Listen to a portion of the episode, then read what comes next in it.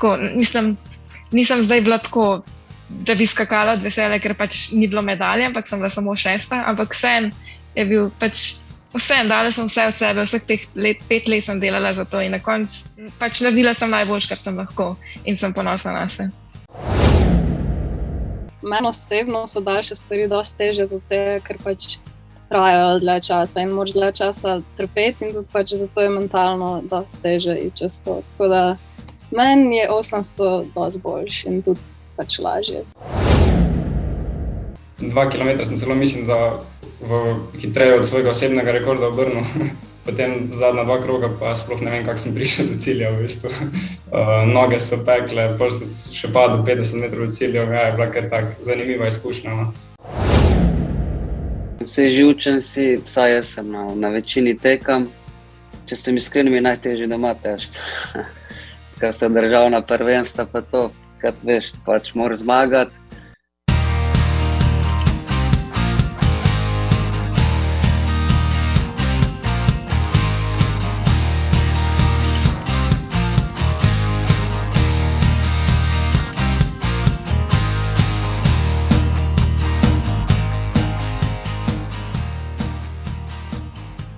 Spoštovani in spoštovane, dobro večer, atletski pozdrav iz studia podcasta za Gred za tek. Tale zimski čas se mi zdel idealen, da povabim najboljše slovenske atletinje in atlete v goste in jih malo povprašam po ciljih za noro nabito sezono, ki prihaja in seveda o tem, kaj so počeli preteklo leto. Tako da predem, predem se potopimo v naš pogovor, ki Uh, upam, da bo vsaj približno zabaven, informativen, uh, pa tudi malo provokativen. Če boste dali še kakšno provokativno vprašanje, nekaj ste jih poslali. Tako da hvala vsem, ki sodelujete uh, že doslej, ki še boste. Hvala tudi vsem, ki podpirate tale podcast um, s širanjem, z naročanjem, z, z, z naročanjem majice. Si danes že tekel, tekla, teh ne majice še par, tako da če jih bi radi imeli, napišite mi lahko še, še zrihtamo. Evo, 79. Mm, epizoda je tole, če se ne motim. Ja. Uh, naročite se na YouTubu, na iTunesih, na vseh ostalih uh, audio platformah, splača se, če do zdaj tega niste poslušali.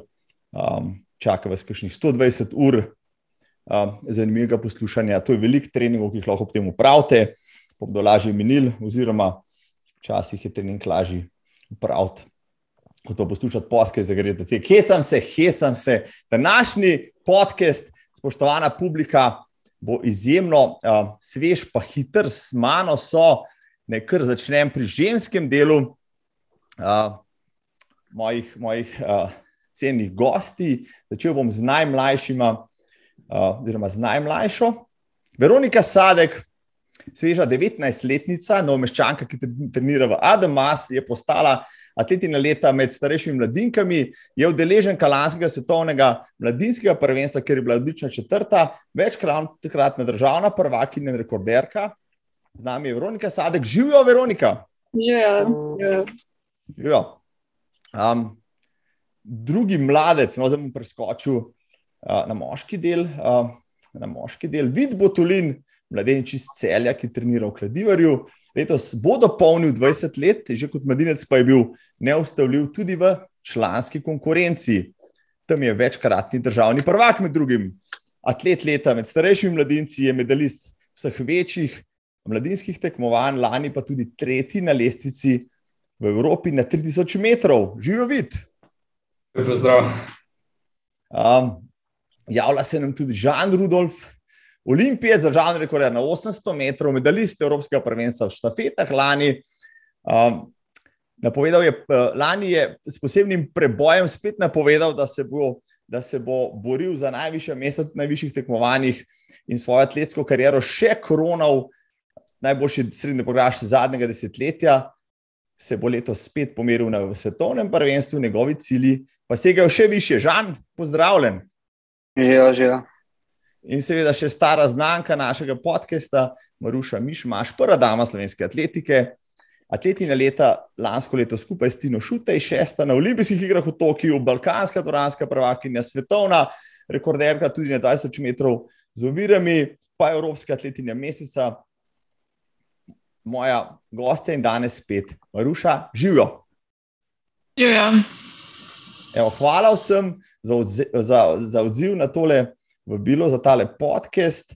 Zaradi obveznosti ste se upravičila Klara Lukan in Janko, ki jih pozdravljamo, mi pa si obetamo, da bo tale pogovor z vašo pomočjo. Uh, draga publika, še bolj zanimiv, če imate vprašanja, ker, ker napišite jih v čat, bom proval z enim učem to spremljati. Ampak, evo, preveč govorim, začel bom kar raje spraševati. Pa boste vi govorili, um, ne bom spraševal, če ste danes že tekli, bom vprašal, koliko in kje. Žan Rudolf. Danes nisem tekel, uh, sem bil pa na kolesu eno uro, tako da trening je že upravljen. Kje se zadržuješ trenutno, Žan? Uh, trenutno smo na pripravah na portugalskem, Monto Gordo, uh, jutri gremo pa že nazaj domov. Um, mislim, da je portugalska dobra izbira za priprave ta trenutek, boš kakšna Grčija. Recimo. Ja, Kot sem videl, zdaj kar dosti snega v Grčiji. No, tako da tle je super. Ni zelo toplo, je pa boljš kot doma. No. Boljš bolj, bolj kot doma. Ja, tisti, ki so šli v Grčijo, ja. um, imajo vsaj sneg za odmetavati, za razliko od nas tule. Um, Veronika, kje in koliko si danes ti že odtekla? Uh, jaz to danes nisem tekla, ker sem imela sam fitness. Ja. Joj, joj, joj, več sreče, mogoče z vidom botulinom si danes že tekel in kje in koliko? Uh, jaz sem tekel, danes sem imel dva lažja treninga, um, tako da vse skupaj mislim, da je bilo 14 km danes. Um, ja, bolj regeneracijski dan je bil danes, tako da smo, bili, smo pa bili dejavni. No. Super, 14 km šteje, Maruša, izvoli, kaj pa ti? Jaz sem tudi danes trenirala na kolesu, a tudi vse skupaj eno uro, pa še take hitre intervale, tako da je bil kar težek trening. In sem tudi kološte je, evo, od pet, kar nas je tukaj, uh, kar štirje nismo danes tekli lepo, ja. um, pa saj, saj dva niso bila na, na kolesu ali pa na teku. Oziroma, eden od teh petih ni, ni ničesar počenjal, kar se fizične aktivnosti tiče. Ne bomo ga izdali, ker bomo nadaljevali z vprašanjem. Um, Veronika, da je kar stavo začetno. Greva na polno sezono 2021. Je bila to najboljša tvoja sezona doslej? Ja, jaz mislim, da je bila to moja najboljša sezona. Pač bila sem zelo zadovoljna z njo. No. Um, mislim, da sem dobila tako dosti velikih izkušenj, ker sem bila prvič na Evropskem prvenstvu, pa na svetovnem. Tako da, ja, se mi zdi, da je bila moja najboljša sezona. Vrhunsko. Vrhunsko. No, uh, mislim, vprašanje se mi zdi simpatično, da to poprašam tudi vidi, bo tulina. Kaj pa vid, ti rečeš, bila 2021 najboljša sezona za te doslej? Mm, pa jaz bi rekel, da rezultatsko gledano je bila definitivno najbolj uspešna. Mogoče tista pika na in na Evropskem prvenstvu, medalja je bil ciljna, da bi spomnil. Tako da ti si mal zmanjkal, um, to je tek mal, mal grenek pri okusno, ampak drugače je bila pa res kar uspešna sezona tudi. Bravo. Bravo. Um, isto vprašanje, seveda, tudi za Žana Rudolfa, rekorderja na 800. Ja, sezona je bila kar uspešna, zmanjkalo je malo pač uvrstitev na olimpijske igre. Uh, sam moram biti pa zelo zadovoljen, ker sem praktično sred sezone zamenjal trenerja, tako da smo naredili velik napredek v to kratkem času. Uh, super, Maruša, ti imaš kar nekaj sezon že za sabo. Kaj bi ti rekla v pretekli sezoni? Ja, glede na stopa na največji tekmi, je bilo sigurno to moja najboljša sezona, ker sem dosegla šesto mesto na olimpijskih igrah in državni rekord. Tako da, ja, to je bila moja najuspešnejša sezona. Uh -huh. uh, se pravi, lahko mirno rečemo, da je bil tvoj najboljši, eh, najljubši dosežek prav olimpijske igre, ali bi kaj drugega še izpostavila? Šesto mesto na olimpijskih igrah je ja, do zdaj moj največji dosežek. Kaj bi pa dala na drugo in tretje mesto v lanskem letu? V lanskem letu.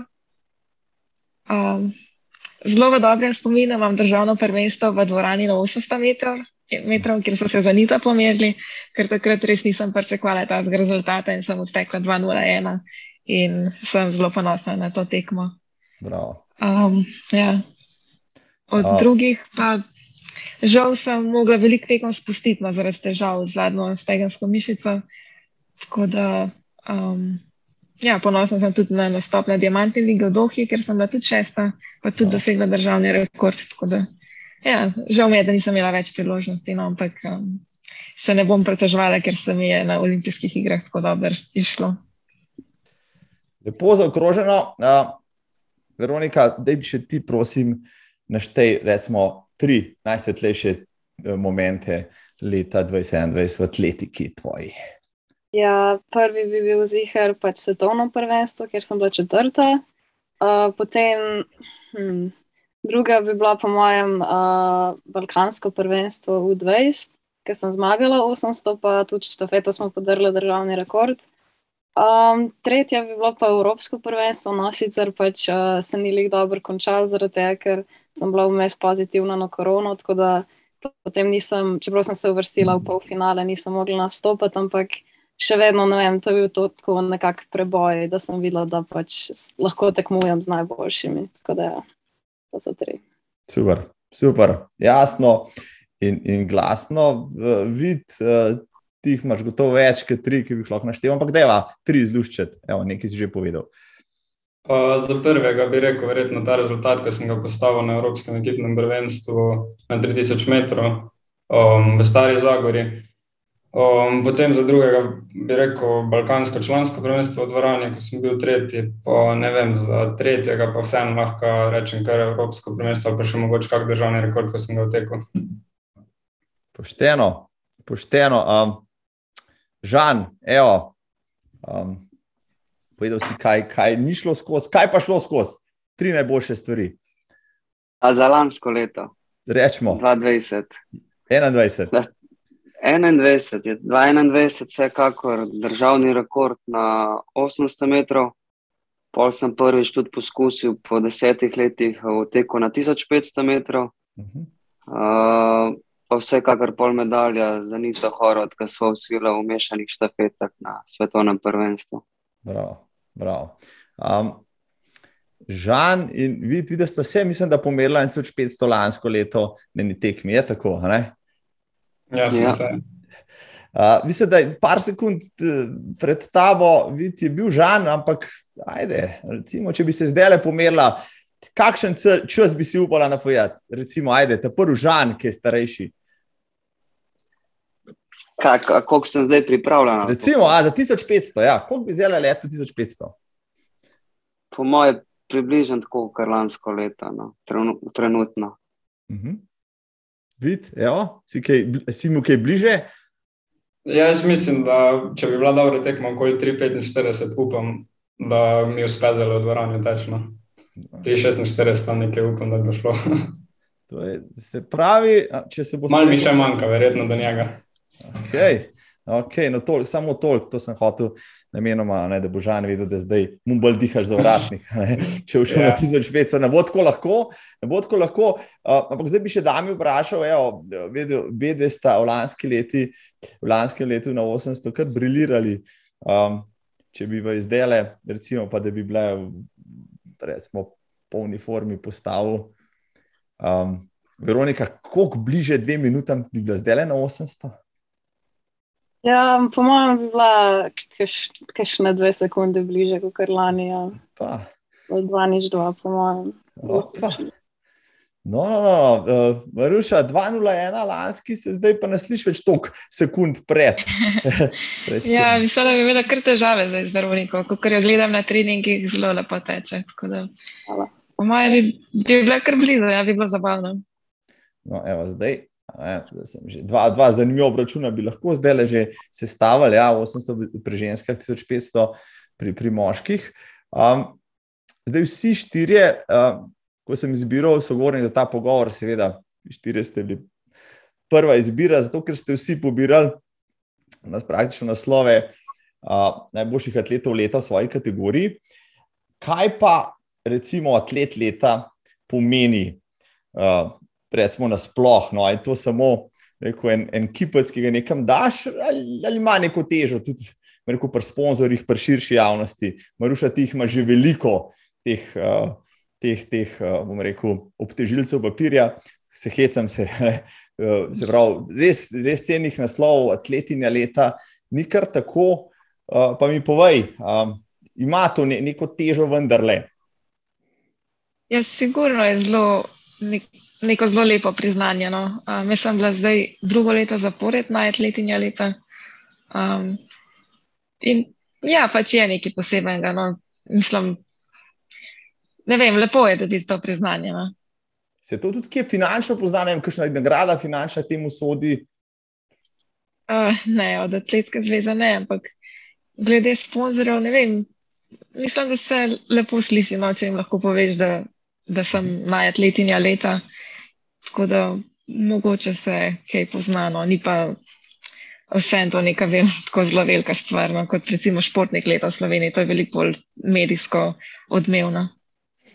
Um, kdaj je bil, zdaj le ste me dovolj, uh, kakšen atlet, uh, športnik leta v Sloveniji? Kdo ve od vas? Ja, že dolgo nazaj. Že dolgo nazaj. Je bil Primoš Kozmus. Kozmus. Ja.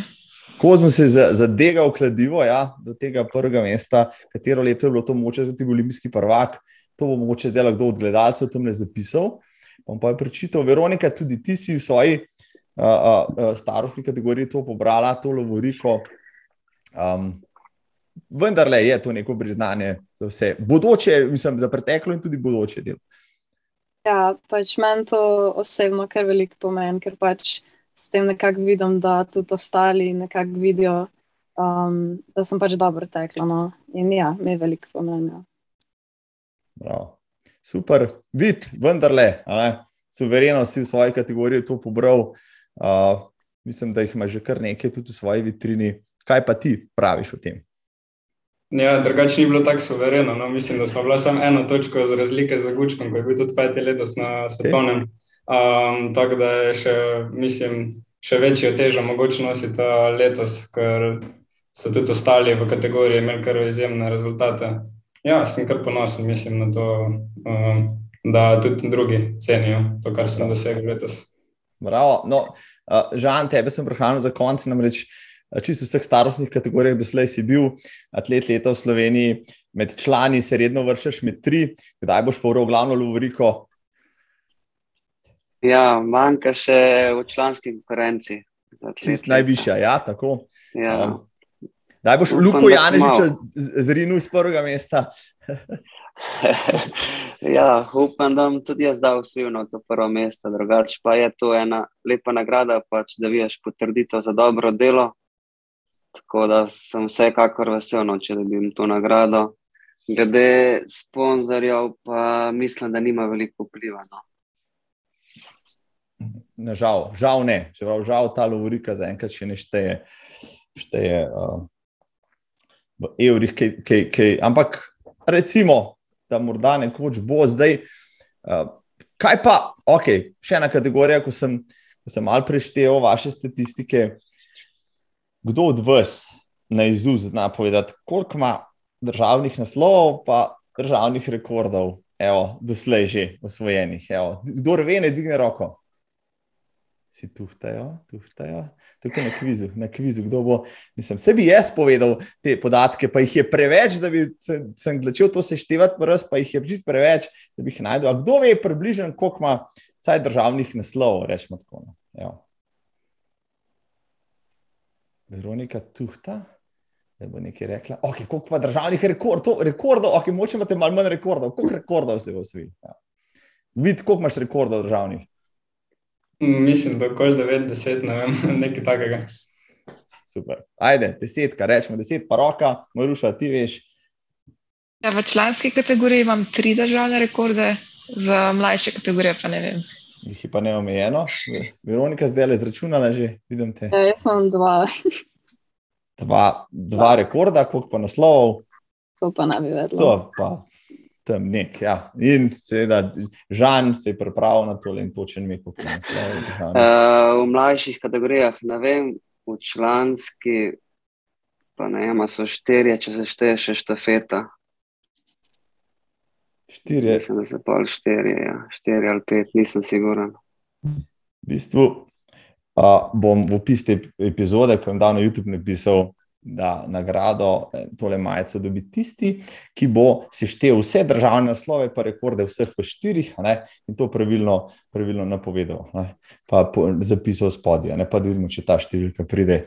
Kam bliže tri mestni, kar je siguren. Evo, to je zdaj izziv za tiste, ki zdaj poslušate, pejte Google. Jaz ne zmorem več, ne zmorem več preveč statistike zadnjih 15 let. Um, prej sem se pogajal v 800 metrih, no vsi tečete, ste tekli tako ali pa drugače 800 metrov.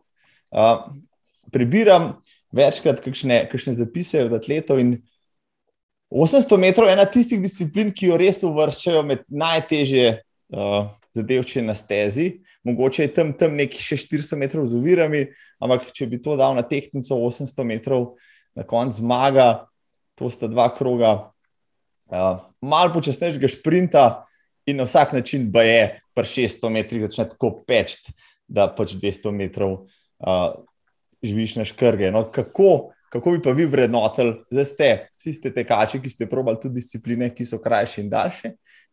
A to drži, no, jaz teh 800 metrov nikoli za res nisem tekel, pa me zanima od vas, izkušenih atletov, kako vi 800 metrov vrednotite. Maruša, recimo, evo. Ja, v bistvu, kako ti je težko med tekmo, je tako zelo odvisno od svoje psihične, od psihičnega stanja v tistem trenutku. No. Oziroma, ne vem, včasih se tako vse poklopi, da sploh ni težko, da tudi ka noge pečejo, da kar gre in ni težko. Tako je bilo na zadnje, ko sem tekla 802.01. Ni, ne vem, kar šlo je, vsak krok hitreje, pa, tako, pač tak je bil občutek. No. Ampak se pa spomnim, ja, tudi včasih, že par let nazaj, že, že dolgo nisem redko tečem 800. Ne? Ampak ja, so bile tudi take zelo boleče 800, ker, ker prideš v tisti drugi krok, tam od 400 do 600 metrov, ki začne vse teč, pa imaš še dolg, pa imaš še cel krok do cilja, tistih, tistih 200 metrov najbolj mučnih. Ne? Mhm, no, um, kaj, vid, kaj bi ti pridal k temu, tudi na 800 si se gotovo preizkušal. Ja. Ja, jaz tudi 800 nisem glih zelo velikrat tekel, no. ampak ja, je verjetno kar naporna disciplina, ampak res zdaj odvisno spet, kako se vse poklopi. Pa tudi mislim, da hujiš, da hujiš, ko sem letos v Keniji trpel, dvomim, da bom kdaj na 800 metrov. Tako tak, ko sem prišel letos v cilj v Keniji, mislim, da na 800 nikoli ne bom. No, tak, da, dvomim, da bo tako hudo. Je pa definitivno zelo naporna disciplina. Kaj te je v Keniji uničilo? Evo. Pa jaz mislim, da se je vsega skupaj malo nabral, pri, pripravljen sem bil zelo dober. No. Um, ampak potem so nam pa tekmo tudi predstavili, tri dni prej so mi jo dali, to sem zvedel um, en teden pred tekmo, še manj. Um, potem verjetno tudi višina, pa tekači so bili res veliko bolj pripravljeni. Prvi kilometer je bila tako malo fartlek tekma, ena 200 je bila za 35, druga je bila 30, 35, 30 in dva kilometra sem celo mislim, da v hitreje od svojega osebnega rekorda obrnil. Potem zadnja dva kroga, pa sploh ne vem, kako sem prišel do cilja. V bistvu. uh, noge so pekle, pa sem še padel 50 metrov od cilja. Ja, je bila kar tako zanimiva izkušnja. No ponosen sem pa na sebe, da sem v bistvu sploh prišel do cilja. No. Super. Super, lepo popisano, specialist in rekorder na 800 metrov, evo, iz prve roke. A je to res najbolj zahtevna track and field uh, disciplina, Žan? Ja, jaz bi rekel, da je.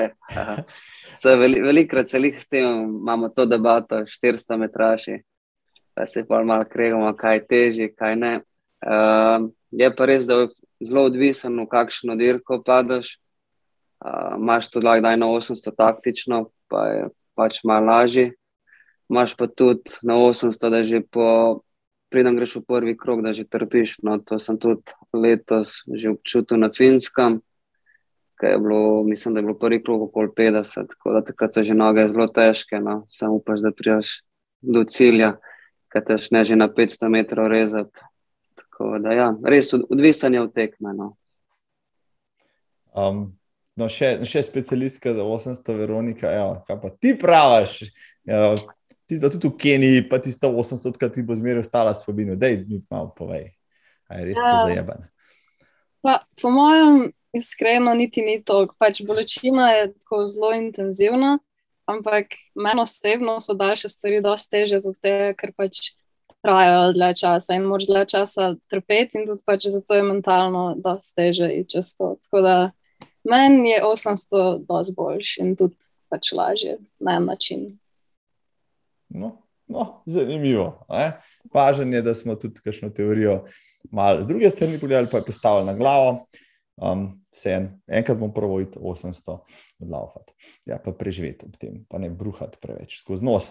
Um, vi kot atleti, ki ste v tem cenjenem, plenitem športu že celo življenje, evo, pa, vas, pa vas spremljamo, pa res zadnje sezone, kot ste rekli, so res odlične. Niso pa vse tako dobre, tudi vse tekme niso v redu. Ne? Pa moče tudi kakšna sezona cela ni v redu. Kako pa, um, recimo, včasih, ko ne gre, no, ohranjate rekel, motivacijo, pa za nos. Ta dolgoročni cilj v žene, uh, tisto, kar, za kar pač vse skupaj počnete, kako se rekel, izvlečete iz slabih tekem, iz slabih sezon, ki se lahko prej nastopijo, pa še zmeraj zmer ustrajate. Recimo, jo, Maruša, ti zdaj delcajta na sceni. Povej ja, mi. Sem že, kar, sem že mojstrica v ustrajanju. sem že tako stvari mi je šlo na robe, pa sem pač mogla vseeno ustrajati. In to pač čist preprosto, zato ker to kralje tečem in tekmujem. Jaz obožujem to tek in težke treninge in tekme, ta adrenalin, vse to pač to imam rada, da ne glede na to, kaj gre na robe, jaz hočem še vedno ustrajati. Ker um, tudi verjamem, da še, imam še ogromen za pokazati, še veliko ciljev imam. Um, vem, da, da še nisem vsega pokazala in to me žene naprej. Super. Evo, še recimo drugi uh, veteran, Žan Rudolf. Evo, tudi ti nisi imel samih dobrih, lepih, napredujočih sezon. Kako si se zbrcal čez, čez te slabše? Ja, je bilo, po mojem, malo več slabših kot dobrih sezon. Uh, dva, dvakrat sem že bil v karieri tako na robu, da bi nehal. Uh, mislim, da je bilo leta 2015. Uh, pa med še bivši trener nekako pripričal, da pravimo še eno sezono teč.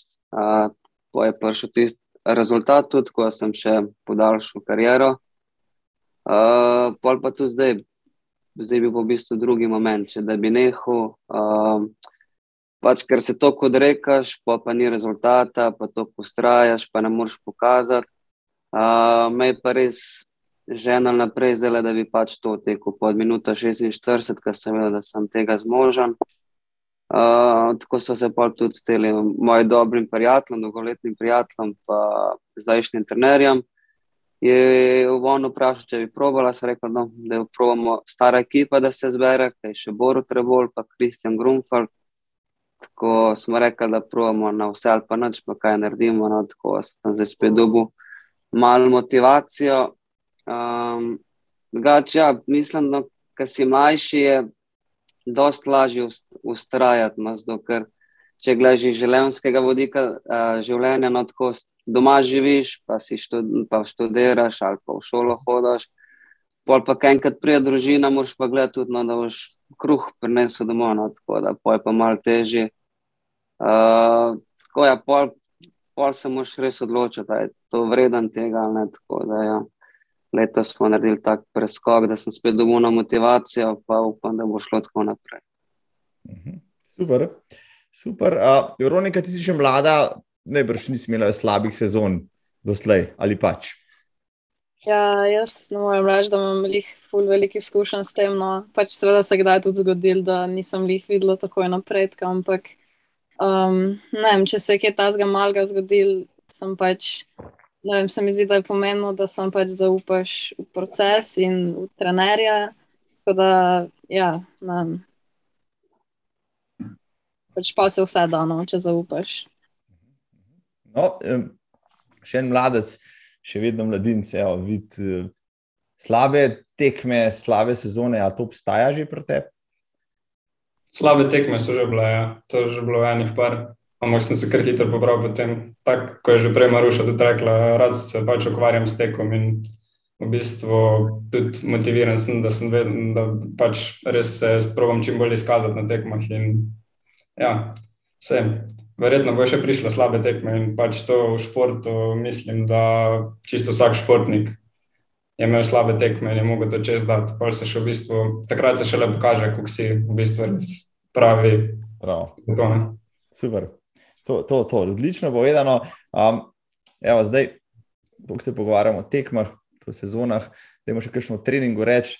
Uh, Včeraj sem videl, kako uh, to, na topli portugalski, na toplem portugalskem tartanu, Žan uh, Rudolf odlaufa 30 metrov po 3 sekundami za trening.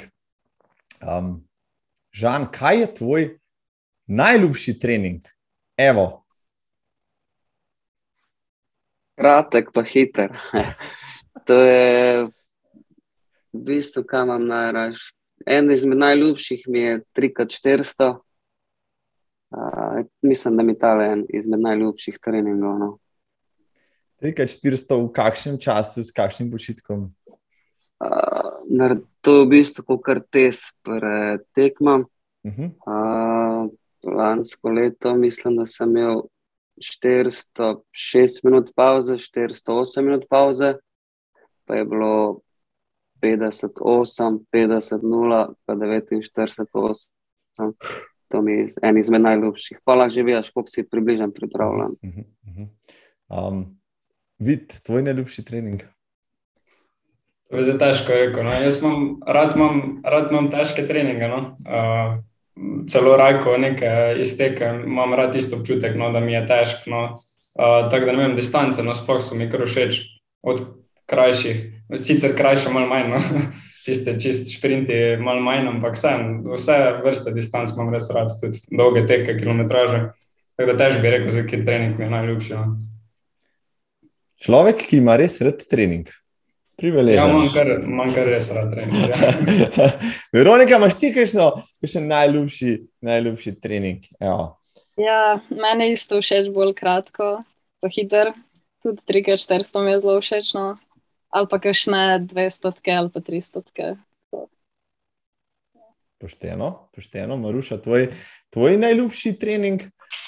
Jaz imam tudi zelo rada vse treninge, ampak ja. moj najljubši so tudi kakšne krajše, hitrejše distance. Ampak krajše parmen to pomeni 600 ali pa 400.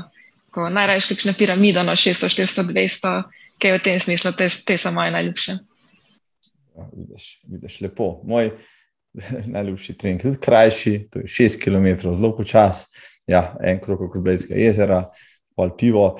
Um, moj Um, trening, ki ga res ne maram, če ga kdaj početi, to sem lansko sam enkrat probal, pa sem rekel, to je za tiste čase, ko sem bil 25, ne za zdaj, so pa kakšni intervali v klanc, recimo, to je za bruhat, za nič, uh, oziroma za ubice, ampak je učinkovit, uh, Maruša, kaj pa tvoj trening, ga res ne maraš, pa recimo, ok, maraš za trening, ampak kakšen, kakšen ti gre pa res na jedra. Ja, ne vem, bi mogla kar razmišljati, da bi se spomnila, kakšnega treninga ne maram, sploh kakšnega tekaškega treninga ne maram. Um, na živce mi grejo kakšni te, um, kakšni ritem teki, recimo včasih delamo na stadionu, tako 100 metrov, malo hitreje, 100 metrov, malo počasneje, ali pa kakšno stopnjevanje, kaj ta zga, to mogoče, ker ni tako težko, ampak vse je tako zoprno. No? Te so mogoče mi najmanj ljubši, ampak. Um, Ja, tako kot sem rekel, sam da lahko tečem, pa treniram, pa sem srečna. Super, lepo povedano. Žan, tvoj trening, ki ga najtežje prebaviš? Ja, ni tekaški, je pa če delam v bazenu. No. Na bazenu to ne maram, pa spoh ponovadi, ko moraš zgoditi zjutraj, da dobiš prost termin. A, tako te že tako zebeno, pa moraš pa še vodo skočiti.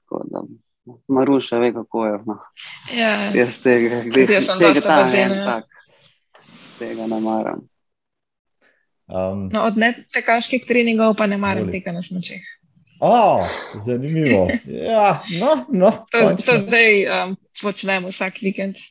To počneš vsak vikend, pa res tega ne maraš. Fajn, fajn, super. No, vse smo lahko, lahko smo iskreni, evo, Veronika, lahko si iskrena, če se ti ne maraš. Sej, pač, lej, smo, začeli smo že s tem, tako da lahko nadaljujemo. Ja, jaz menilih pri srcu, kakšne dolge distance, zelo malo pauze, tu kakšne mhm. tisočke vegetazga ali pa še daljš, ker pač ne vem, imam samo občutek, da me samo utruja in da nikamor ne gre in mi res ni všeč. No. Pa pač dolg čas mi postane vmes. da, ja. Ampak se, se navadiš. Jaz to včasih tega Ja. nisem marala, zdaj pa, res, ja. zdaj je pa to nekaj normalnega. Ja, to je res. Res.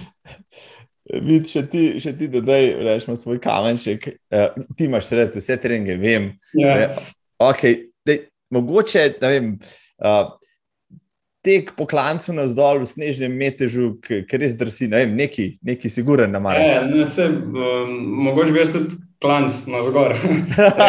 da, da mi je ponavadi največ težav povzročal, ampak sem se zdaj čez leta tudi na to navadil. Tist, ali pa če kakšne srednje, dolge, hitre distance, ko že imaš krfejst, polne noge, pa trpiš, pa že priješ v prak, mislim, tiste tudi včasih kar težko. No, ampak ja, sem se čez leta na vse te. Tudi, mislim, bolečine, no, kako bi rekel, navado. Tako da vse je že v bistvu na nek način znano. Bravo. Ja, če so že, že pri tem, um, koliko treningov pa imaš, recimo, na, tren, na teden, no, pa koliko ur za to potrošiš? No, čistko, ker vem, da poslušajo tole oddajo tudi, tudi mlajši, ki se ukvarjajo z atletiko, pa jih morda zanima, kaj vrhunski mladinec evo, počne pri svojih letih. Mm, jaz imam praktično vsak dan dva treninga, mogoče samo nedeljo samo daljši tek, en trening, ali pa še bazen, potem popoldan za regeneracijo. Na en trening pa traja, ne vem, okoli dve uri, poprečno, uro pa pol do dve uri, verjetno. Um, vsak trening, povprečju bi bil nekaj takega. Okay, kar lepših. Veronika, kaj pa ti, koliko pa ti potrošiš evo, časa za atletiko? Ja, jaz imam ponovadi en trening da, na dan, no. pa zjutraj um, ene trikrat do štirikrat še jutranji tek, pač to je tako 20 minut. Um, ja, pa ponovadi so treningi na stadionu, tam okoli uro pa polno. Da, ja. pribeleženo. Žan, recimo zdaj, ki si na pripravah, pa sam zabušavate, v glavnem, predite kakšen filmček za Instagram, ne hecam se, povej mi, koliko, koliko treningov pa 800 metraš na najvišjem nivoju rab narediti na teden. Ja, pa jest, eh, tako enkrat na en trening na dan, v bistvu. Takrat, ko imamo fitness, imamo dvakrat na dan. Uh, zdaj malo prilagajamo, odkar sem očka, je malo spanja, no, tako da pol tudi treninge prilagajamo, zato sem tudi malo več na kolesu, da tam noge, pa malo mal noge prešparam. No, tako en, približno devet treningov na teden. Uh -huh, uh -huh. Maruša, ajde, ti, ti imaš toliko sezon že za, tabo, za sabo, da lahko že malo manj treniraš, ne hecam te. Da da lahko treniraš največ vseh. Z- Vedno več treniram. Tako, tako, ja. Um, ponavadi imam dva treninga na dan, ja. razen za vikende je ponavadi samo eden. Um, ja. pač trenutno imam v bistvu tako, da trikrat na teden sta dva treninga, ostale pa po ena, ampak za vikend grem trenutno teč na smočeh in to je tako od dve uri do dve uri pa pol teka na smočeh, tako da je kar dolg trening. Uf, ja. Je. Uh, Maruša, povej mi zdaj ti, ali je ta cross training, se pravi, in kolo, pa bazen, pa tek na smočeh, pa nam rolke, pa še kaj bi se našel. Uh, je to sestavni del zdaj sodobnega treninga atleta, uh, zato da se ne pretrenira, ali je pač to čisto individualno, pa si moče sama prišla Ja, si- ugotovitev? Mislim, ja, mislim, da je čisto individualno, kako komu ustreza. Pa če sem taka, da se hitro poškodujem, če preveč tečem, tako da zaradi tega namesto kakšnih daljših tekov grem na kolo ali pa pač pozim teč na smočeh. Um, pa ja, pač trenutno imam še vedno malo težave z zadnjo stegensko mišico, zato je to več tega cross treninga. In tudi pač ugotovili smo, da pri meni to zelo dobro funkcionira. No, že v bistvu zadnje dve sezoni je bilo veliko um, treninga na kolesu in na tekmah sem pa samo napredovala, tako da očitno to pri meni deluje. Mhm, mhm. Um, Žan, še, še ti mogoče lahko, ker si že dolgo časa na sceni. No? Rekel si, da ne razkačeš v bazen, bazen, pa moraš, tudi s kolesom se voziš. Zdaj, kako bi pa ti, uh, se pravi, vse skupaj vrednotil? To je tudi to, tvoja individualna odločitev ali pač to del procesa, ki ga moraš dati skozi, zato da lahko lažje napreduješ, pa da se ne uničiš. Ja, prvo smo ugotoviš to, kar si poškodovana, ne? takrat moraš pa nekaj iskati nove rešitve. tako da najbolje bazen ali pa kolo. Uh, smo pa zdaj opažali, da vedno več atletov uh, pač dela na kolesu, še vedno dobro dela kardio.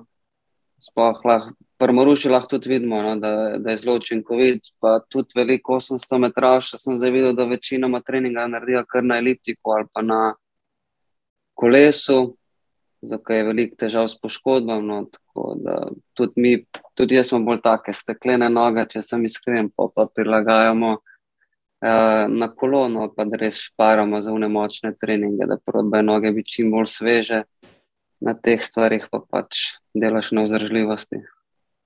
Uh -huh, uh -huh. uh, Vidite, se ti mogoče, kdaj voziš kolesom, predstavljam si, da atleti. 30-40 let nazaj so se s kolesom vozili, mogoče samo trgovino ali pa do stadiona. No. Zdaj pa poslušam, da kar eh, redno vsi uporabljajo in specialke, in gorce, in tako naprej. Ja, tudi da nam trener večkrat za trening um, kolo ali pa bazen. Se mi zdi, da sklepi manj trpijo kot preteko. Ja, Veliko tekačev se v bistvu kombinira tudi z kolesom, plavanjem in podobno. Mislim, da je kar efektivno to. No. Uh -huh, uh -huh. Uh, Veronika, kako ste rekla, rolka, rolerji, ne vem, kaj drugega, ali tudi kolo, ali ne čuti tega. Pa, jaz v bistvu ne delam veliko um, tega treninga drugačnega, no, večinoma sem tečem zaenkrat. Tudi nisem imela še nekih ful velikih poškodb, da bi mogla pač, um, pač delati to na mestu tega. Ja. No, no, no, naj, naj, naj to traja, rečemo temu tako. Um, Vprašanje se mi zdaj le porajalo, ko se pogovarjam z vami. Namreč, vi, kot uh, ljudje, ki ne znate prešteti ne svojih naslovov, še manj svojih zmag in tako naprej. Ne? Ampak, kdaj pa atlet na vašem nivoju, oziroma kdaj ste sami pri sebi ugotovili, da ste res dobri v tem, kar počnete? Ne? Da zdaj morate pa braniti pozicijo, ne samo napadati. Ne? Kdaj to ni bilo, ni bilo po prvi zmagi, ne, mogoče po prvi sezoni, po kakšni uh, resni tekmi na mednarodnem prizorišču. Kdaj, recimo, atlet, atleti, kot ste vi, atletinje, ste dognali, pa kdaj atlet pride do tega, zdaj sem pa res dober. Ne.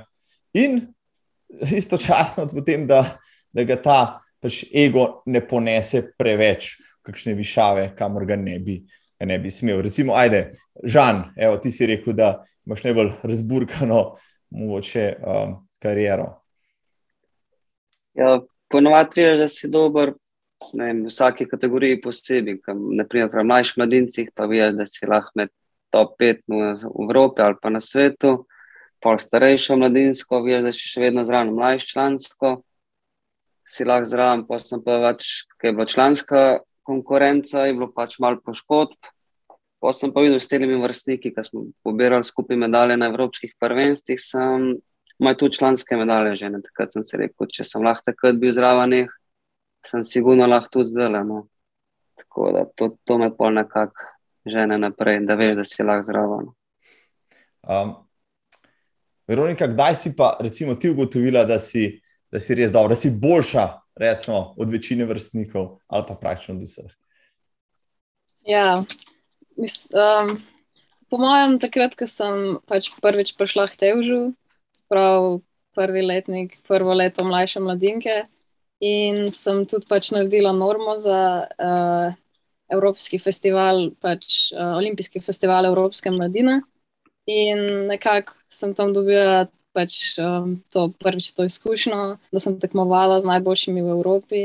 In pač sem tudi sama dobila željo potem, da bi pač posegla po najveš, najvišjih mestih. Tako da, ja, takrat. Bravo, bravo. Um, isto vprašanje za te, vid, ti zelo si superioren, že kar nekaj sezono. Kdaj si bo gotovo, da, da si pa res dober? No, mislim, da takrat, ko sem prvič tekel državni rekord leta 2019, takrat. Um, ko sem potem isto sezono bil tudi tretji na tem olimpijskem festivalu Evrope, takrat sem videl, da spadam med najboljše tekače v Evropi v svoji starostni kategoriji. Tako da ti si mi je kar ogromno pomenil. In zdaj, glede na to, da sem takrat lahko bil, imam to v glavi, zdaj, da moram to ponoviti vse naslednje sezone in biti zraven skosno. Mhm. super. Um, Maruša, evo, tudi za te to vprašanje, če se še spomniš, no, da si, Ja. si dognala to, zdaj si že toliko časa, da verjamem, da moče si že Ja, pozabila. tako kot so rekli, to gre postopoma pri mlajših kategorijah. Pri meni tudi, ja, ko sem bila prvi letnik, um, ko sem bila prvo leto mlajša mladinka, takrat smo imeli mladinske olimpijske igre in ko sem se uvrstila tja, sem pač, ja, sem vedela, da, da spada med najboljše. Um, in potem tako v vsaki kategoriji naprej, ko sem bila starejša mladinka, sem osvojila srebrno medaljo na Evropskem prvenstvu. Ampak potem pa najpomembnejše je pa, ko prejš v člansko kategorijo. Takrat je velik preskok in takrat se mora spet dokazati. Um, in ne vem, ko sem prvič izpolnila normo za Evropsko prvenstvo med člani, takrat sem pa videla, da sem tudi med člani, da spadam med najboljše. Um,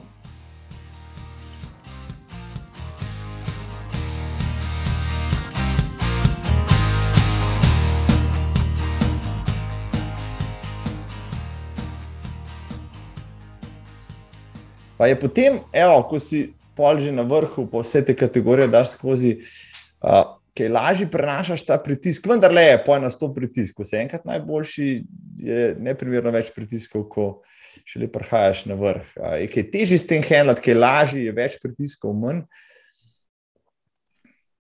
Mm. Ne vem, kaj bi rekla. Jaz se ne ukvarjam s tem pritiskom. Jaz imam, vem, pač svoje želje, pa moj trener je ambiciozen.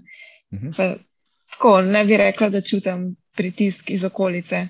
Bolj, ne vem, ko gremo na kakšno veliko tekmo, pa če novinari imajo neka pričakovanja od mene, Mhm. jaz to bolj vzamem kot tako. Le, ki zaupajo vame, tako v dobrem smislu. No. Ne, da bi čutila nek pritisk, vsaj zaenkrat, če ne. No. Nis- Nisem nikoli tako čutila pritiska. Žan je pri tebi kaj drugače, no, ne, ram, ne moreš čisto odklopiti znanega sveta, vendarle si povezan z njim in pritisko, pritiski z njihove strani, pa zdaj imaš še družino, ne, zdaj moraš gledati bistveno širše, kot si prej. Kako pa ti handlaš vse to?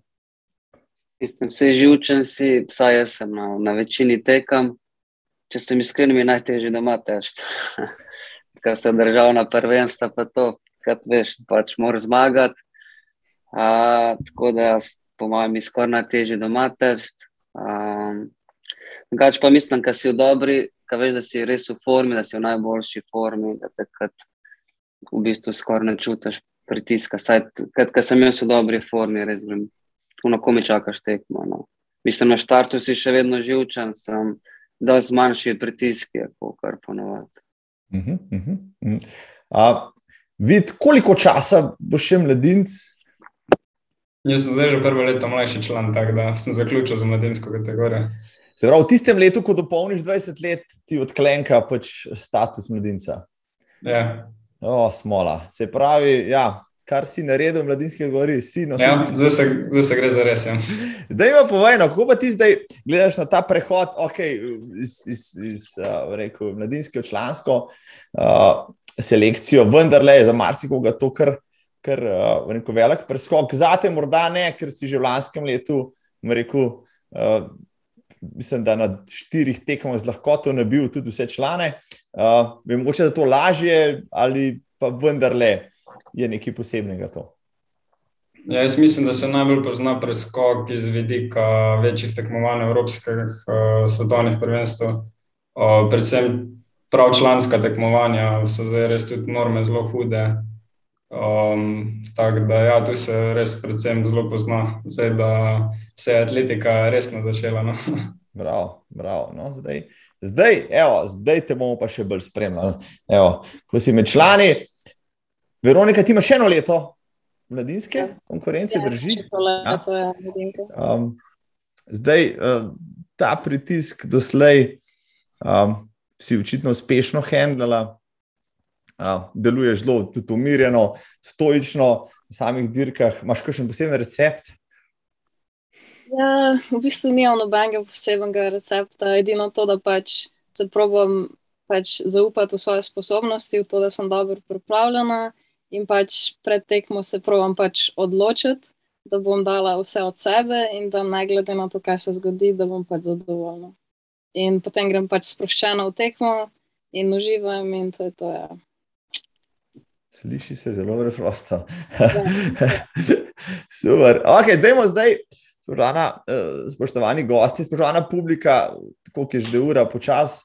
Čas bo že 8, ampak dajmo, vezno moramo delati še eh, plane za to sezono, morda tudi onkraj. Uh, pred nami je neka posebna sezona, v istem mesecu bo sta svetovno prvenstvo, evropsko prvenstvo v atletiki, um, še predtem svetovno prvenstvo v Dorani, v kratkem v Beogradu, pa v Diamantna liga, pa mladinsko svetovno v Kolumbiji, pa državna prvenstva, Telekom liga, Diamantna liga, ni da ni. Žan, ti imaš normo za Eugene, za svetovno prvenstvo, drži? Tako je. Ja. Bo to vrhunec sezone za te? Ja, vsekakor svetovno prvenstvo, pa evropsko prvenstvo, to bosta dva vrhunca sezone. Na evropskem mogoče lahko malo več narediš, um, ampak je še vedno izjemna konkurenca. Zdaj imam po dolgem času, da imam spet normo za, pač za eno leto naprej, tako da je malo lažje se pripravljati, da ni treba loviti norme. Zato tudi norme so zdaj tako visoke, no, da praktično kdo naredi normo v tekaški disciplini, je spravno, da ima tudi veliko možnosti za veliko vrstitev, visoko vrstitev. Tako po eni strani sem mal miranja, um, bilo pa zelo naporna sezona, vmes mislim, da so tudi mediteranske igre. Um, tako da smo se odločili, da bomo dvorano spustili, pa da se res pravimo dobro pripraviti na svetovno prvenstvo, pa evropsko prvenstvo, ker je težko je zdržati, no, da si zdaj praktično pol leta v vrhunski formi. Tako smo rekli, da bomo naredili na dobro bazo, pa da pravimo čim bolj to teči. Top. Eugene, uh, meka ameriške atletike. Ja, of, ja, mislim, da mislim, z veseljem bomo to gledali. No pa mislim, da je tam prav poseben duh, veje ja, na tistem stadionu. Tako boš pol povedal, ko se boš vrnil. Če temu res tako. Um, vid, mlajši člani letos nimajo kakšnega večjega posebnega tekmovanja. Kam pol te, ti, kot, kot sveži član, evo, ciljaš pa letos, kam, bi, kam, bi, kam boš šel, bi šel? Ja, za mlajše člane mislim, da drugače je edino so sredozemske igre do 23 let, pa mogoče univerzijada, okay. če bo vse to izvedeno sploh. Um, Drugač pa ja, jaz zdaj v bistvu ciljam, da, da bom že uspel se približati čim bolj normam za največja tekmovanja, ali pa celo popolnoma približati, no, da bi jih že spomnil. uh, Tako da, ja, mislim, da bo to glavni cilj. Uh, predvsem pa tudi naslednjo leto, nas potem 2023, potem čaka v 2023 uh, Evropsko prvenstvo. Mislim, da bo pa tisti potem spet uh, za mene en tak vrhunec, pa upam, da tudi uh, uh, v dvorani naslednjo leto Evropsko člansko prvenstvo. Bravo, bravo. Ejo, lepi cilji. Uh, Veronika, Kolumbija kako? Ja. Oh, ja. Ja, vem, videl sem malo kovca, ja. Kolumbija se lepo sliši. Uh, on že vna mogo biti tam. Ti greš tja 800, še kaj drugega, štafeta morda? Ja, zaenkrat ne vem, no, pač uh, bomo videli. Zna se zgoditi, da bomo tudi kakšno štafeto otekali, ja, se smo tudi letos, tako da Ampak ja, na 800 pa pač ciljam naprej, da prijemo v finale, pa, pa v finalu se pa i tak teče na medaljo. Tako da ja, bom pravila izboljšati letošnji rezultat. Letos ti je zmanjkalo, koliko ti je zmanjkalo? 30? 30 stotink, ja. Ja. Ampak, ja, vrhunski rezultat je res norno. Jaz sem z enim učem malo spremljal in četrto mesto. Joj, in to svetovni konkurenci, no, tam, kjer so vsi, vsi vse Kenike, pa Etiopike, pa ne vem, kaj še vse. Uh, mislim, res noro, no, res noro. Se pravi, koliko pa misliš, da bo treba teči za medaljo na svetovnem mladinskem? Ja, jaz bi rekla, da kar blizu 2-0. No. Pošteno, ja. pošteno, vrhunsko. Uh, Maruša, last but not least, evo. Um, Velika tekmovanja smo že našteli, da sam povej, na katere nimaš cajt iti. Ja. ja, dvoransko sezono bom spustila, um, okay. potem pa si želim nastopati na svetovnem in evropskem prvenstvu. Ja, ker se tudi želim uvrstiti v finale, pa kot je Veronika že povedala, kaj se počne v finalu kaj se po finalu naredi. Tako, evo, sej, ne bomo, ne bomo več preveč naprej razpredali. Uh, olimpijske so se ravno končale, evo, čez dve leti so že druge, najbrž uh, vsaj Žan in Maruša uh, sta zelo osredotočena na Pariz. Uh, Žan, ki si dejal v enem intervjuju, da ciljaš, saj do Pariza, še pol boš mu počasi dosta, to drži. Ja, Pariz sem zdaj, to mi je še naslednji cilj, tako da bi rad ustrajal, če bo zdravje dalo. Tako da, ja, Pariz je en izmed glavnih ciljev. No. Sam nikoli ne veš, no, se, če se da takrat tako dobri rezultati, pa te še vleče naprej. Sem zdaj mi cilj do Pariza, pa bom povedal. Se pravi, do Pariza 1,44, pa pa po te 1,44, pa pa zaključiš. Tako je. Evo, to, to, to, to, v redu je, v redu je, mislim, da bo, bo tudi ljudstvo zadovoljno. Um, vid, ok, nisem, da si star 20, oziroma boš olimpijske igre, seveda so cilj vsakega športnika, ampak um, aj Pariz še prezgodaj ali pač ne, mislim, to je še dve leti pol. Uh, jaz v mislih imam, uh, da bi bil tam, no, tako da naredil bom vse, kar se bo dal, pa upam, da bo uspelo. Uh -huh, uh -huh. Jaz mislim, da rešil med visoke cilje, Veronika, je tako. Ali... Ja. ja, jaz tudi mislim, da pač ni nemogoče. Tako da isto kot vidim, bom pač vse naredila, da se bo to zgodilo, pa bomo pa pač videli, kaj bo. Um, mislim, vse olimpijske so, so recimo, ultimativen uh, cilj, mogoče za vsakega športnika, ampak vemo, zdaj pa Maruša, le, itak, Pariz, to že rekla, tam greš tiste tri štengce, najmanj višji od zadnjih, je tako. To... Ja, to imam zdaj v mislih, Pariz, čez dve leti. Um, evo, zdaj pa, um, vseeno, če bi ti hipotetično zdaj le en ponudil, da lahko izbereš eno od teh stvari. Olimpijsko medaljo ali pa svetovni rekord v Steeple Chaseu na 3000, evo, kaj bi vzela, kaj, te, kaj bi ti več pomenilo? Hmm. To je pa težka izbira. Ja, ja, zato se to pa je, to sem jim pa dal. Evo, da vidim, da mogoče, vidim. Uh -huh. mogoče bi celo reč medaljo vzela. Podobi se prvično je, tako je. Tako je. Mm. Ja. Se, se mi zdi, da medalja bolj tako ustane v spominu. No? Svetovni rekordi minejo. Rekordi so itak, ja, Ja, se ja. podirajo. Medalja pa je, lep, lep odgovor. Lep Mislim, da bi odgovor. medaljo izbrala. Ja. Um, Veronika, če bi, če bi ti ponudili medaljo na svetovnem članskem prvenstvu ali pa državni rekord na 800, kaj bi vzela? Medaljo bi vzela. Z Ja. lahkoto. Divno. Z lahkoto. No, sej, z državnim rekordom na 800, po mojem, na vsaki veliki tekmi. Ja. Povereš medaljo, ampak ja. ja. Mislim, da je še rekla oboje na isti tekmi. Ja. Ja. Um, Žan, olimpijski finale ali zmaga na diamantni ligi, recimo. No, olimpijske finale. Olimpijski, definitivno. To je to. Ja. to, je to. Um, Kjero mesto bi si zaželel v olimpijskem finalu, če bo lahko izbiral? Prvo.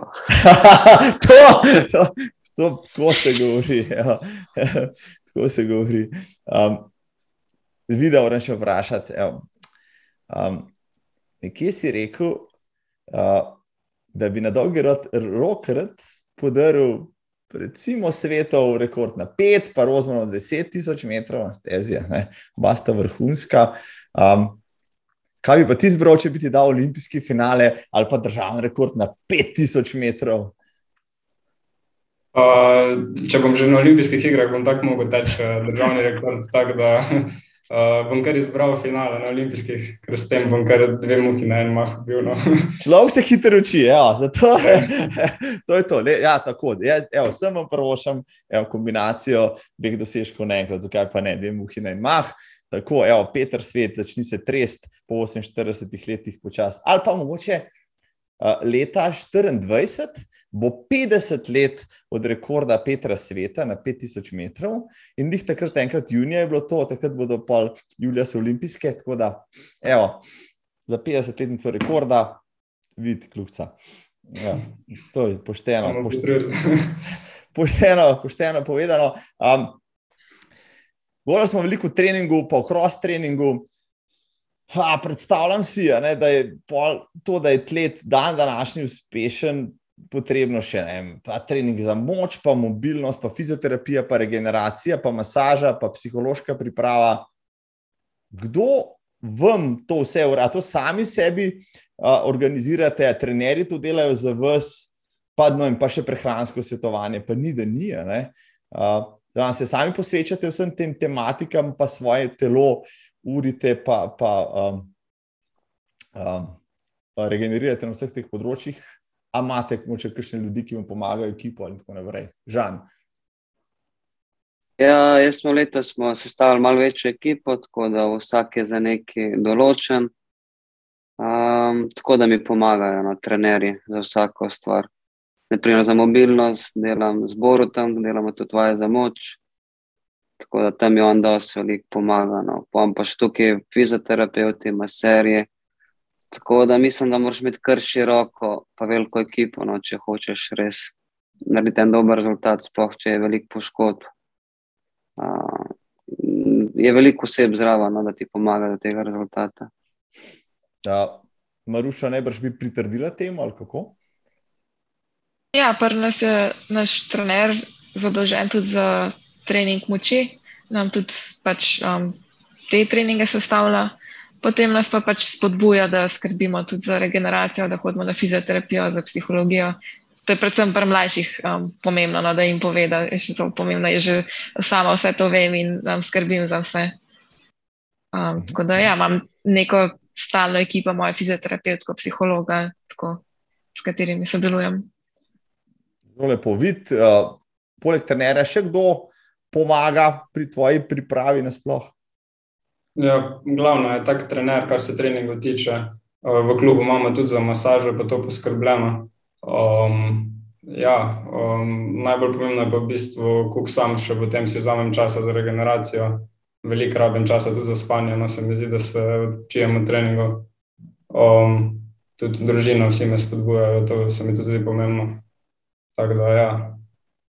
Mhm, lepo. Uh, Veronika, kako je pri tebi to zadevno? Ja, jaz um, te osnovne stvari, pač regeneracija, pa spanje, probujem čim boljš narediti. Uh, pa pa ja, tudi kot je Maruša rekla, no, trener veliko naredi, pa tudi hodim fizioterapeutu, pa psihologu. Ja, brez tega ne gre. Uh, zdaj vidim, ja, da tle, tle niso več heci, ja, to je resen biznis. Uh, Je atletika, mislim, so atletike, da sploh, to je zelo, zelo tako široko vprašanje, da preživeti, če si res na najvišjem nivoju, tako kot ste vi ali pa tja prihajate, se da od sponzorskih vložkov, uh, pa od atletske zveze, pa od, vem, od teh finančnih sredstev dejansko funkcionirati ali slejko vrej, pač je premalo vse skupaj, recimo, žan, evo, pet lahko ti začneš. Ja, je kar težko, no, da presaj iz mojega vidika, no, pri meni je težko, da priješ čez. Uh, mislim, da če si zaposlen v vojski, policiji, pa da bi šel na najviš, najvišjo pogodbo v Atletske zveze, pol se kar da. No. Če pa nekaj od tega nimaš, je pa že kar težko. Sploh se mi zdi, kad, kad si poškodovan, takrat moraš toliko več vlagati v to, tako da je to večji stroški. So. Um, mislim, da je v članski konkurenci no, pol težko živeti tega, ker greš na svoje, pa mhm. imaš še toliko drugih stvari no, za zraven. Tako, mhm. tako se da, mislim, se da. No. Če imaš tako vrhunske rezultate, se da. No. Če ne drugega, pol z nagradom, pa s tem se da. Se še nagrade so tukaj, Maruša, isto vprašanje za te, recimo, uh, se da na takem ja, nivoju? Ja, jaz trenutno živim samo od atletike. Ja. Um, in sem zaposlena v slovenski vojski, tako da imam plačo, mi tečejo delovna pač, um, leta.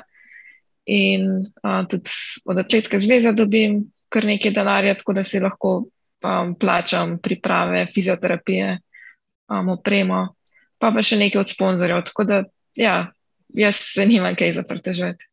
No, super, evo. Um, saj, saj neki od te atletike, evo, na koncu koncev. Veronika, a, se oziraš kaj onkraj atletike, hodiš v šolo, boš študirala, oziroma študiraš, um, ne brž tudi razmišljaš o, kaj, o tem, kaj bo po tvoji atletski karieri. Uh, ja, zaenkrat sem četrti letnik gimnazije, tako da imam maturo letos, potem ja. grem, ja, grem um, ja, nekaj študirati, sam ne vem še kaj, tako da se moram odločiti. Um, in ja, tudi ne vem, kaj bom pol. tako da nimam še veliko planov narejenih za naprej. No. Dobro. E, Osvojiš eno zlato olimpijsko medaljo, pa drugi delajo pa plane za te. Ja, ja. Recimo. Uh, vid, uh, ti pa študiraš, če se ne motim. Ja? Um, vendar le, tudi atletika ni večna. Že razmišljaš, gotovo, da boš potem pa mogel tudi kaj drugega zapopasti. Ja, študijo se bom probil čim bolj posvetiti, kot se bo dal, ampak hkrati pa še vedno je atletika mi kar prioriteta. No. Um, po, po tem, ko pa končam s kariero, pa upam, da sem lahko še zaposlil. Um, tako da namen imam zaenkrat končati uh, faks, hkrati pa to nekako čim bolj uh, folga čez zraven atletiko, pa vseeno. Pošteno. Uh, Žana, a se boš res preselil na Finsko v koncu kariere? Ja, imamo na planu, da bi se preselil na Finsko, ni še čist določen, sem verjeten v roku dveh let, let najverjetneje, da bo šla na Finsko z družino. Um, na Finskem je menda fajn, um, tvoj trener, nekdani konkurent Jan Petrač, gor, prav uživa. Um, vem, da si tudi ti že bil gor, pa si skakal v tisto ledeno mrzlo vodo in da je to za ston regeneracija, to drži. A to tudi doma počneš? Ja, to je praktično redno. No. Da gremo, po mojem, gre nas večina atletov v Icebet. Uh, na velikih tekmovanjih imaš to vse postavljeno, tako da greš po vsakem teku ali po, vsakem težjem treningu, greš no za regeneracijo. Na finskem je pa to nekaj običajnega. Greš v savno, Po, če imaš blizu jezero, narediš luknjo, greš noter. Je fajn. No. Ker se navadiš, ni sploh več to problem, umrzla voda. Okay. Okay. Sej, sej, sem se proval navaditi kar nekajkrat, ampak mi zlepa ne gre. Očitno moram jaz tudi na fizično, ker to vsi počnejo, pa te pa naroden, ker tega ne počneš. Evo, um, če smo že pri regeneraciji, treningu, Okay, sem obljubil na začetku, Maruša, da ne bom preveč se pogovarjal o poškodbah, ampak vseeno, ampak nekaj me zanima. No, pa bom začel recimo z vidom. Evo. Ali so poškodbe sestavni del vrhunskega športa, oziroma ne, lahko ugotoviš, kje je tvoj limit, če kdaj ne greš čez njega? Ja, poškodbe, jaz mislim, da so sestavni del športa, na to sem tudi pripravljen. Jaz, um, Um, ampak zaenkrat, če hvala Bogu, nisem imel nekih hujših. Um, verjetno težko težk zdaj rečem, ki je limitno.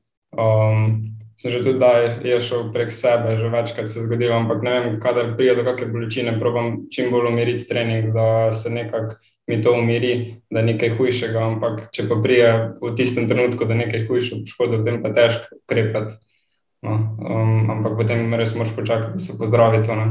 Um, verjetno še vse to čaka nas, um, ampak upam, da je čim, čim manj. No. Tudi, tudi jaz, tudi mi, vsi menda, žan, kaj pa ti misliš? Recimo, slejko prej se temu ne moreš izogniti. Ja, mislim, da je to sestavni del športa. Mm, že prej sem, sem začel atletiko, no, sem se zavedal, da verjetno bo slejko prej prišla kakšna poškodba, prav probaš narediti preventivo, da do tega ne pride.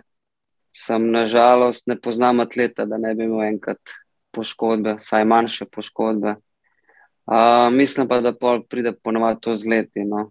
Saj jaz sem opazil, pol, mislim, da bo po mlajši članski kategoriji takrat je bilo vedno več poškodb, po mojem, se z leti tok treninga nabira pa dosti pomemben, kakšna smo prej regeneracija, kakšno preventivo si delo. Če ni bilo tako dobro, slejko prej se pač pokaže tudi to pri poškodbah. Veronika, lahko ti kaj pridaš k temu morda? Sam jaz se strinjam, da je pač to del vrhunskega športa, ker si skozi na neki meji med tem, kar telo lahko zdrži, pa kar ne more zdržati. Ampak zaenkrat nisem imela še nobene tako resne poškodbe. Um, tako da upam, da bo tako ostalo čim dlje. Ja. Maruša, te imam nekaj drugega vprašal, no? o teh poškodbah smo že dosti govorili. Okay. Uh, recimo, uh, zdaj, ko se je še Veronika pridružila masu, pa, pa pretejo že trenira, zdaj se tam kar neki, uh, tudi Klara, recimo. Uh, kdaj trenirate skupaj? Oziroma, imate kakšne skupne treninge, si, si to zadevno mogoče pomagate, ali imate tako različne programe, da se pač to ne da sestaviti? Ne, ja. Telšno se vedno tako razporedi, da smo po skupinicah, da ima vedno nekdo um, nekoga zraven. Večinoma smo ena skupina, ki delajo malo daljše distance, mi da sklarajo, recimo, pa zdaj Luka, pa pa ena skupina, ki dela krajše, recimo Veronika, pa Anita. Ampak doskrat se pa tudi tako pokombiniramo, pa jaz delam zraven kakšen hitrejši trening, pa oni imajo zraven kakšen počasnejši trening. Tako da se zelo lepo dopolnjujemo. No? To je res ena velika prednost naše ekipe, da imamo vedno nekoga, ki lahko drugega potegne. No? No, ni za manj, Adamas, rekel tudi za to, um, ob, ob Kladivarju, eno najboljših slovenskih uh, društv, klubov, uh, atletiki. Um, Veronika, povej mi, zdaj, ko si prišla k težu, pa med te punce, to vendarle tudi malo potegne. Ali kako? Ja, zagotovo. Pač jaz prej, prej sem prišla k težu, sploh nisem jih razmišljala, da bi se resno ukvarjala z atletiko. Pa sem pa prišla in sem nekako, ne vem, zelo me je pritegnil ta uh, način življenja na splošno. Da, pa tudi, pač, ne vem, Klara in Maruša sta bile vedno zelo, pač sta me, tako, sta me sprejela, no, tako da to mi je dosti pomenilo. In še zdaj mi nekako vedno pokažete, kaj je pač možno, no, da je vse mogoče. Tako da, ja. Super. Zelo vesela, da sem v tej skupini. Odlično, odlično. A, Kladivar je lansko leto na ekipnem članskem prvenstvu in med moškimi in ženskami pobral prvo mesto. Čeprav pri moških je, bilo, je bil tisti troboj zelo na knap, da par sto točk je šlo, pri 16 točkah, pri ženskah malo manj, ampak vseeno. Kladivar je ena taka sredina, kjer, kjer se neko kar tre odličnih atletov. Je ta sinergija vid prisotna, trenirate kaj skupaj ali imate bolj kot ne individualne programe, plane? Ja, kar se treningov tiče, imamo mi svojo skupino, se pravi, tekaška šola Živko, imamo zelo močno ekipo, mislim. Um, tak fant je na 800 metrov, zelo dobro, naprimer Vukovič, tudi na evropskih prvenstvih, v finalu, zdaj na zadnjih dveh bil vedno. Um, prihaja tudi mlajši, no. Um, Žiga Jan je letos bil naprimer na evropskem. Zraven mene sta še, ne vem, naprimer Sebastian Baš, Bauman, vsi so res dobri tekači, tako da imamo veliko skupino pridružijo se nam lahko tudi mlajše punce, so tudi zelo odlične. Tako da imamo veliko ekipo in lahko zelo dobro treniramo. No. Ja, super. Žan, kako ti treniraš, trenerja imaš na long distance, imaš tukaj dva njegova, dve njegovi desno in levo roko, ki ti pomagata skupaj na pripravah. Kako, a treniraš moče tudi kje, še s kom drugim? Ja, če sem na finskem, mi jam pomaga na kolesu. Uh, letos se je tudi povečala ekipa, se je pridružil Vrboš pa Valič, zraven je tudi Rizmal, tako da je zdaj veliko lažje. No. Rizmal je nažalost ga ni v Ljubljani, uh -huh. delamo pa z Valičem pa z Vrboštem skoraj vsak trening skupaj. Uh, čim je pa mal hitrejši, mal težji trening, pa pride Grunfald pomagati tudi na kolesu, tako da me vleče, tako da je super. Uh, v fitnessu pa pač delam z Borotem. Tako da zaenkrat imamo vseeno. Dobro, lepo povedano. Evo, spoštovane publika tam zunaj. Um, če imate že kakšno vprašanje, lahko ga zapišete, jaz si beležim tisto, kar ste mi poslali. Uh, tukaj je nekaj hecnih vprašanj, moče bo kakšno ostalo za drugič. Uh, da ste res izjemni atleti, izjemna generacija, govori tudi to, da je Slovenija lansko leto spet prišla iz druge v prvo Evropsko uh, atletsko ligo, uh, kar ste praktično tudi prisotni pripomogli, in vsi ostali, kaj pa. Uh, povejte mi, dragi gostje, kdo so pa recimo vaši, pa rečemo temu, evropski uh, idoli ali pa atleti ki so vam, recimo, ki so vam nekaj posebnega, ki so vam lahko tudi vzor, ali pa tisti, po katerih mogoče uh, kakšen trening pokopirate, pogledate, kaj delajo in tako naprej. Vid, recimo. Mm, kar se treninga tiče, delam pač po programu trenerja, no, tako da glede na njihov sistem se ne prilagajam, ampak ne vem, definitivno je, ne vem, Jakob Ingebrigts, na primer, en tak primer, ko je dokazal, da se v bistvu da um, tekmovati na, v bistvu, da, da si lahko konkurenčen tudi res uh, z afriškimi temi tekači, Kenici, Etiopici. Um, že tukaj v Sloveniji, v bistvu že tukaj od gostov lahko vidimo, da je Maruša, kar je dokazala letos na olimpijskih igrah, res vsaka čast. um, ja, um, lahko rečem, no, letos sem tudi imel priložnost spoznati uh, svetovnega podprvaka z dvorane Jakoba Hološa. Smo skupaj tekmovali na 3000 metrov. Um, ja, tudi tako, da v bistvu res vse te dobre atlete zelo spoštujem in za vse, kar so osvojili, lahko samo čestitam. Bravo. Bravo, ja.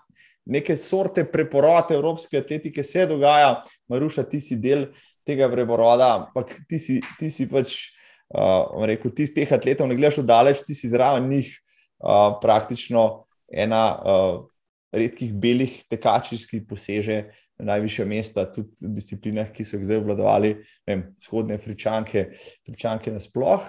Um, koga pa ti, recimo, posebej ceniš v evropski atletiki?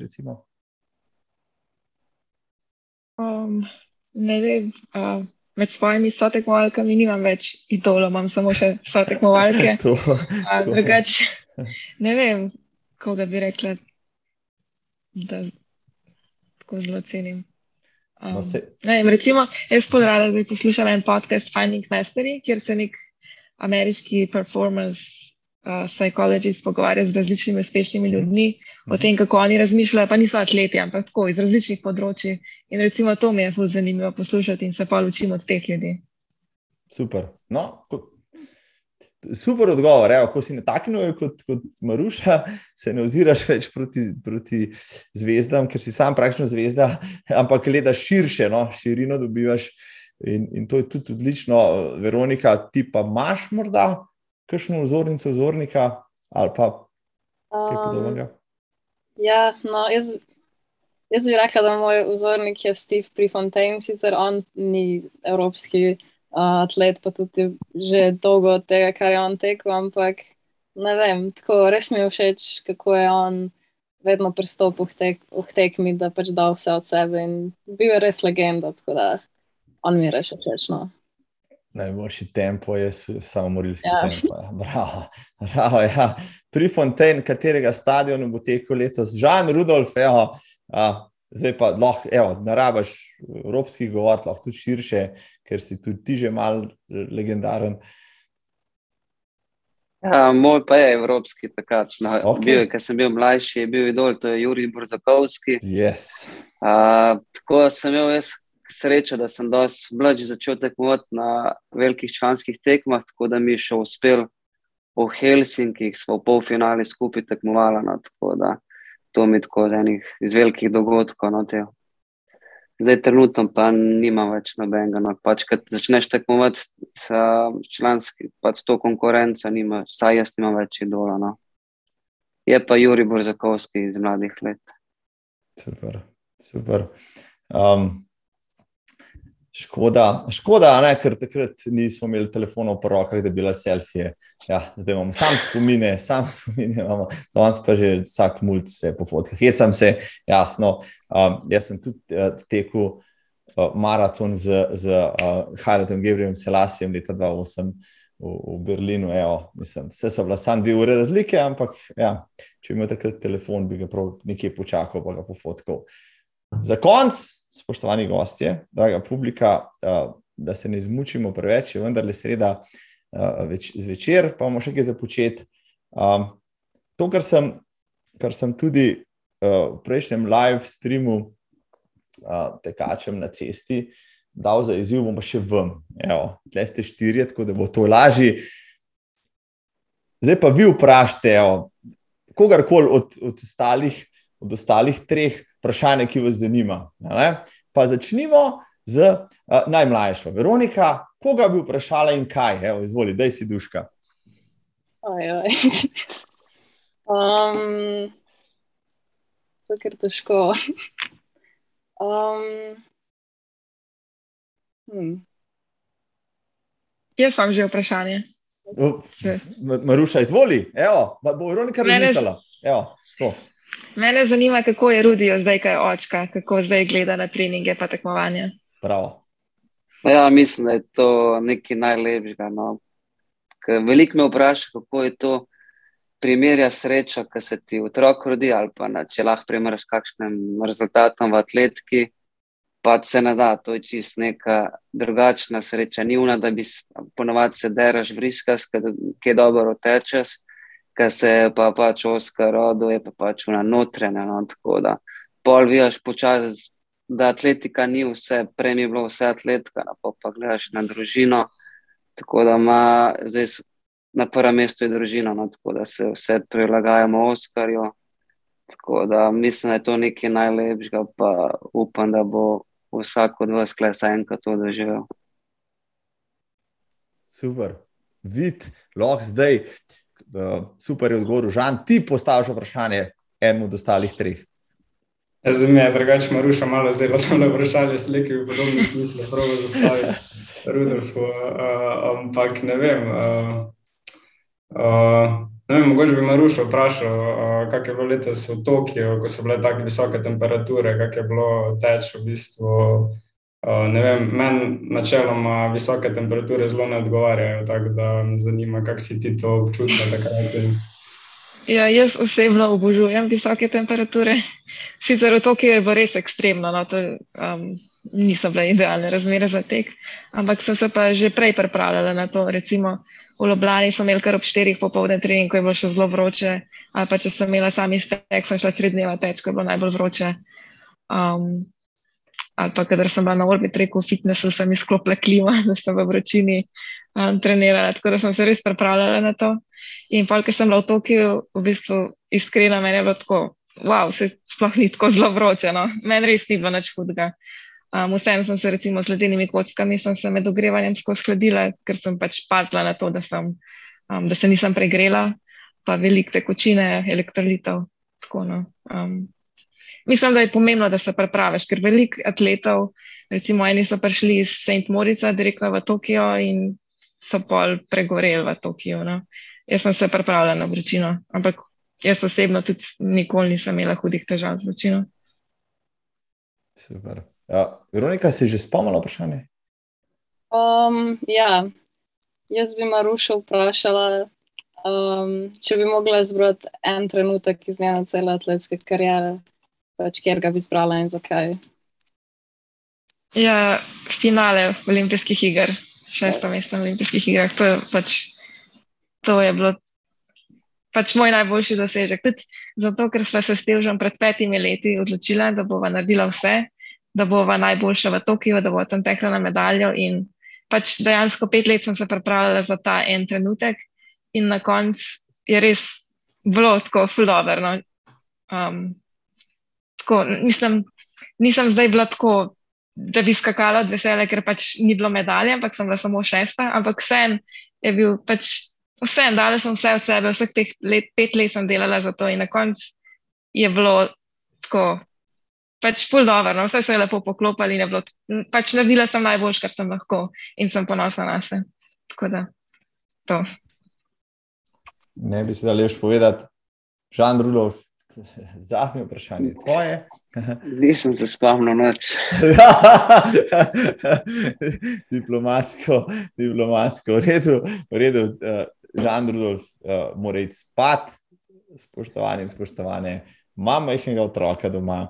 Vsi, ki, ste, ki smo kdajkoli imeli majhne otroke doma, vemo, kako to zgleda. Skozi v stanju na pol zombi, ja, živiš od, od kave, pa od upanja.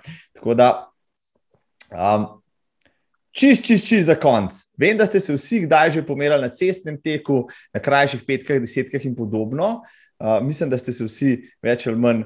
Uh, je kakšen cestni tek, uh, ki vam je bil všeč, da bi še tja, kam šli v Sloveniji ali pa v tujini, evo, čist za konc, Maruša. Um, sem v bistvu tekla samo v Ljubljani, a je pa, pa mi je pač ja, okolj bleda, je res lepo teč. Drugač pa, um, mislim, da sem enkrat dobila vabilo za neko nočno desetko v Rimu, Mhm. ampak takrat nisem mogla iti, tako da to imam še vedno v mislih, no, da bi rada šla. Pošteno. Um, Super. ja. Um, Veronika, imaš ti kakšen cestni tek, na katerem si blag, ali pa kros, ali pa karkoli, no, izven stadiona? Ja, ja sem bila, ja. bila sem na ene par ljubljanskih, pač na šolskih tekih. No.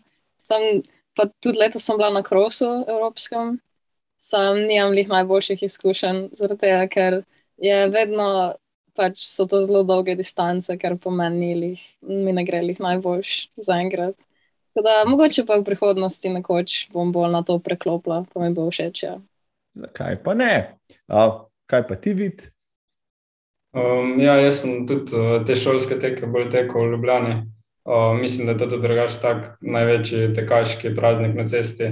Um, tega bi se še kdaj udeležil uh, z veseljem. Um, drugač pa v tujini bi pa mogoče ne vem, kak uh, nočni tek, ti silvestrski teki se mi zdijo fajni, ne vem, mogoče kak uh, desetka v Valenciji ali kaj takega. Pošteno. Ja. Ja, všeč mi je, to je še meni všeč. Um, Žan Rudolf, imaš ti kaj tazga, kar bi dejansko res tekel na cesti? Mislim, da sem samo enkrat tekel cestni tek, to je bilo srednjošolsko. Pa se ti zamerali do konca življenja? Ne, bilo dobro, takrat sem zmagal, pa postavil rekord proge. Pol so progo, mislim, da spremenili. So odpovedali tek za naslednjič. ja, bravo. Tako da ne bi se, ne bi, nimam pa želje, da bi se vrnil spet na cesto. Mogoče tam do dva kilometra bi še šlo, več pa ne. No, in to za istočnico, za, za čisto zadnje vprašanje. Koliko bi vam mogli ponuditi, ja, česar koli, denarja, ljubezni, česar koli, da bi šli na trenirati in odteči maraton? Evo, vid botulin. Pa meni niti ne bi bilo treba tako veliko, no, ker mislim, da zaenkrat, zaenkrat bom še ostal na stezi kar nekaj let, ampak mislim, da bom tudi se kak uh, maraton lotil. No. Po, ampak to verjetno tam po 30 letu, upam, da. No. Nisem, ja, zelo, nisem težko, ni te težko vrniti, da ta je lav. Joj, kaj pa ti, Veronika, evo, reč, nikoli, nikdar. Pa ne, mislim, tako zaenkrat se definitivno ne vidim v tem, ampak um, nekoč, ko bom mogoče končala uh, kariero na stezi, bi pa zagotovo pač rada otekla maraton. Verjetno ne lih tekmovalno, ampak ja, bi ga rada otekla. Ja, ta maraton, razen Žana Rudolfa, najbrž ali pač ne.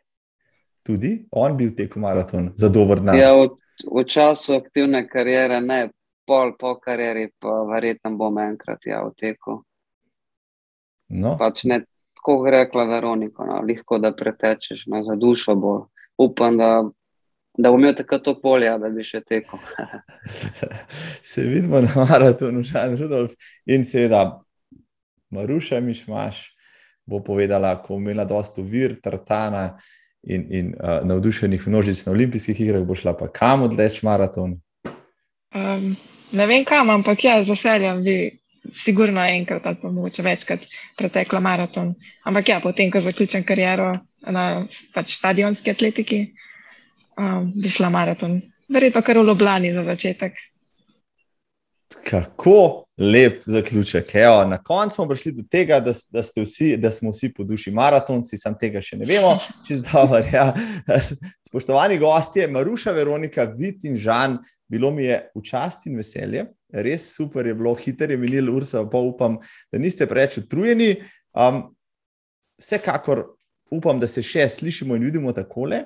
Uh, želim vam uspešno sezono, čim manj poškodb, čim več dosežkov, tudi na, naša publika, ki nas zdaj gleda, nas bo gledala še v prihodnosti tole vdajo za nazaj. Verjamem, da zdaj več ve o vas uh, in da vas bo tudi uh, še kaj povprašala, pa vas bolj nas, navdušeno spremljala. Tako da, Maruša, hvala. Hvala tebi za vabilo, super je bilo. Z veseljem, Veronika, super, hvala ti. Hvala, hvala za povabilo. Z veseljem in vid, kaj pa, ja, sveži član. Ja. Ja, hvala za povabilo, fajn je bilo res. Prva liga in Žan Rudolf, maham na portugalsko, pošlje še kakšno sliko. Ja. Hvala za povabilo. Hvala, super ste bili, uh, spoštovana publika. Evo, včasih lahko odklopite. Uh, javite se kaj, komentirajte, delite, seveda, naročite se na ta kanal, stanite zagreti za tek. Jaz sem Marko Roblek, a ste la vista, se vidimo. Lahko noč.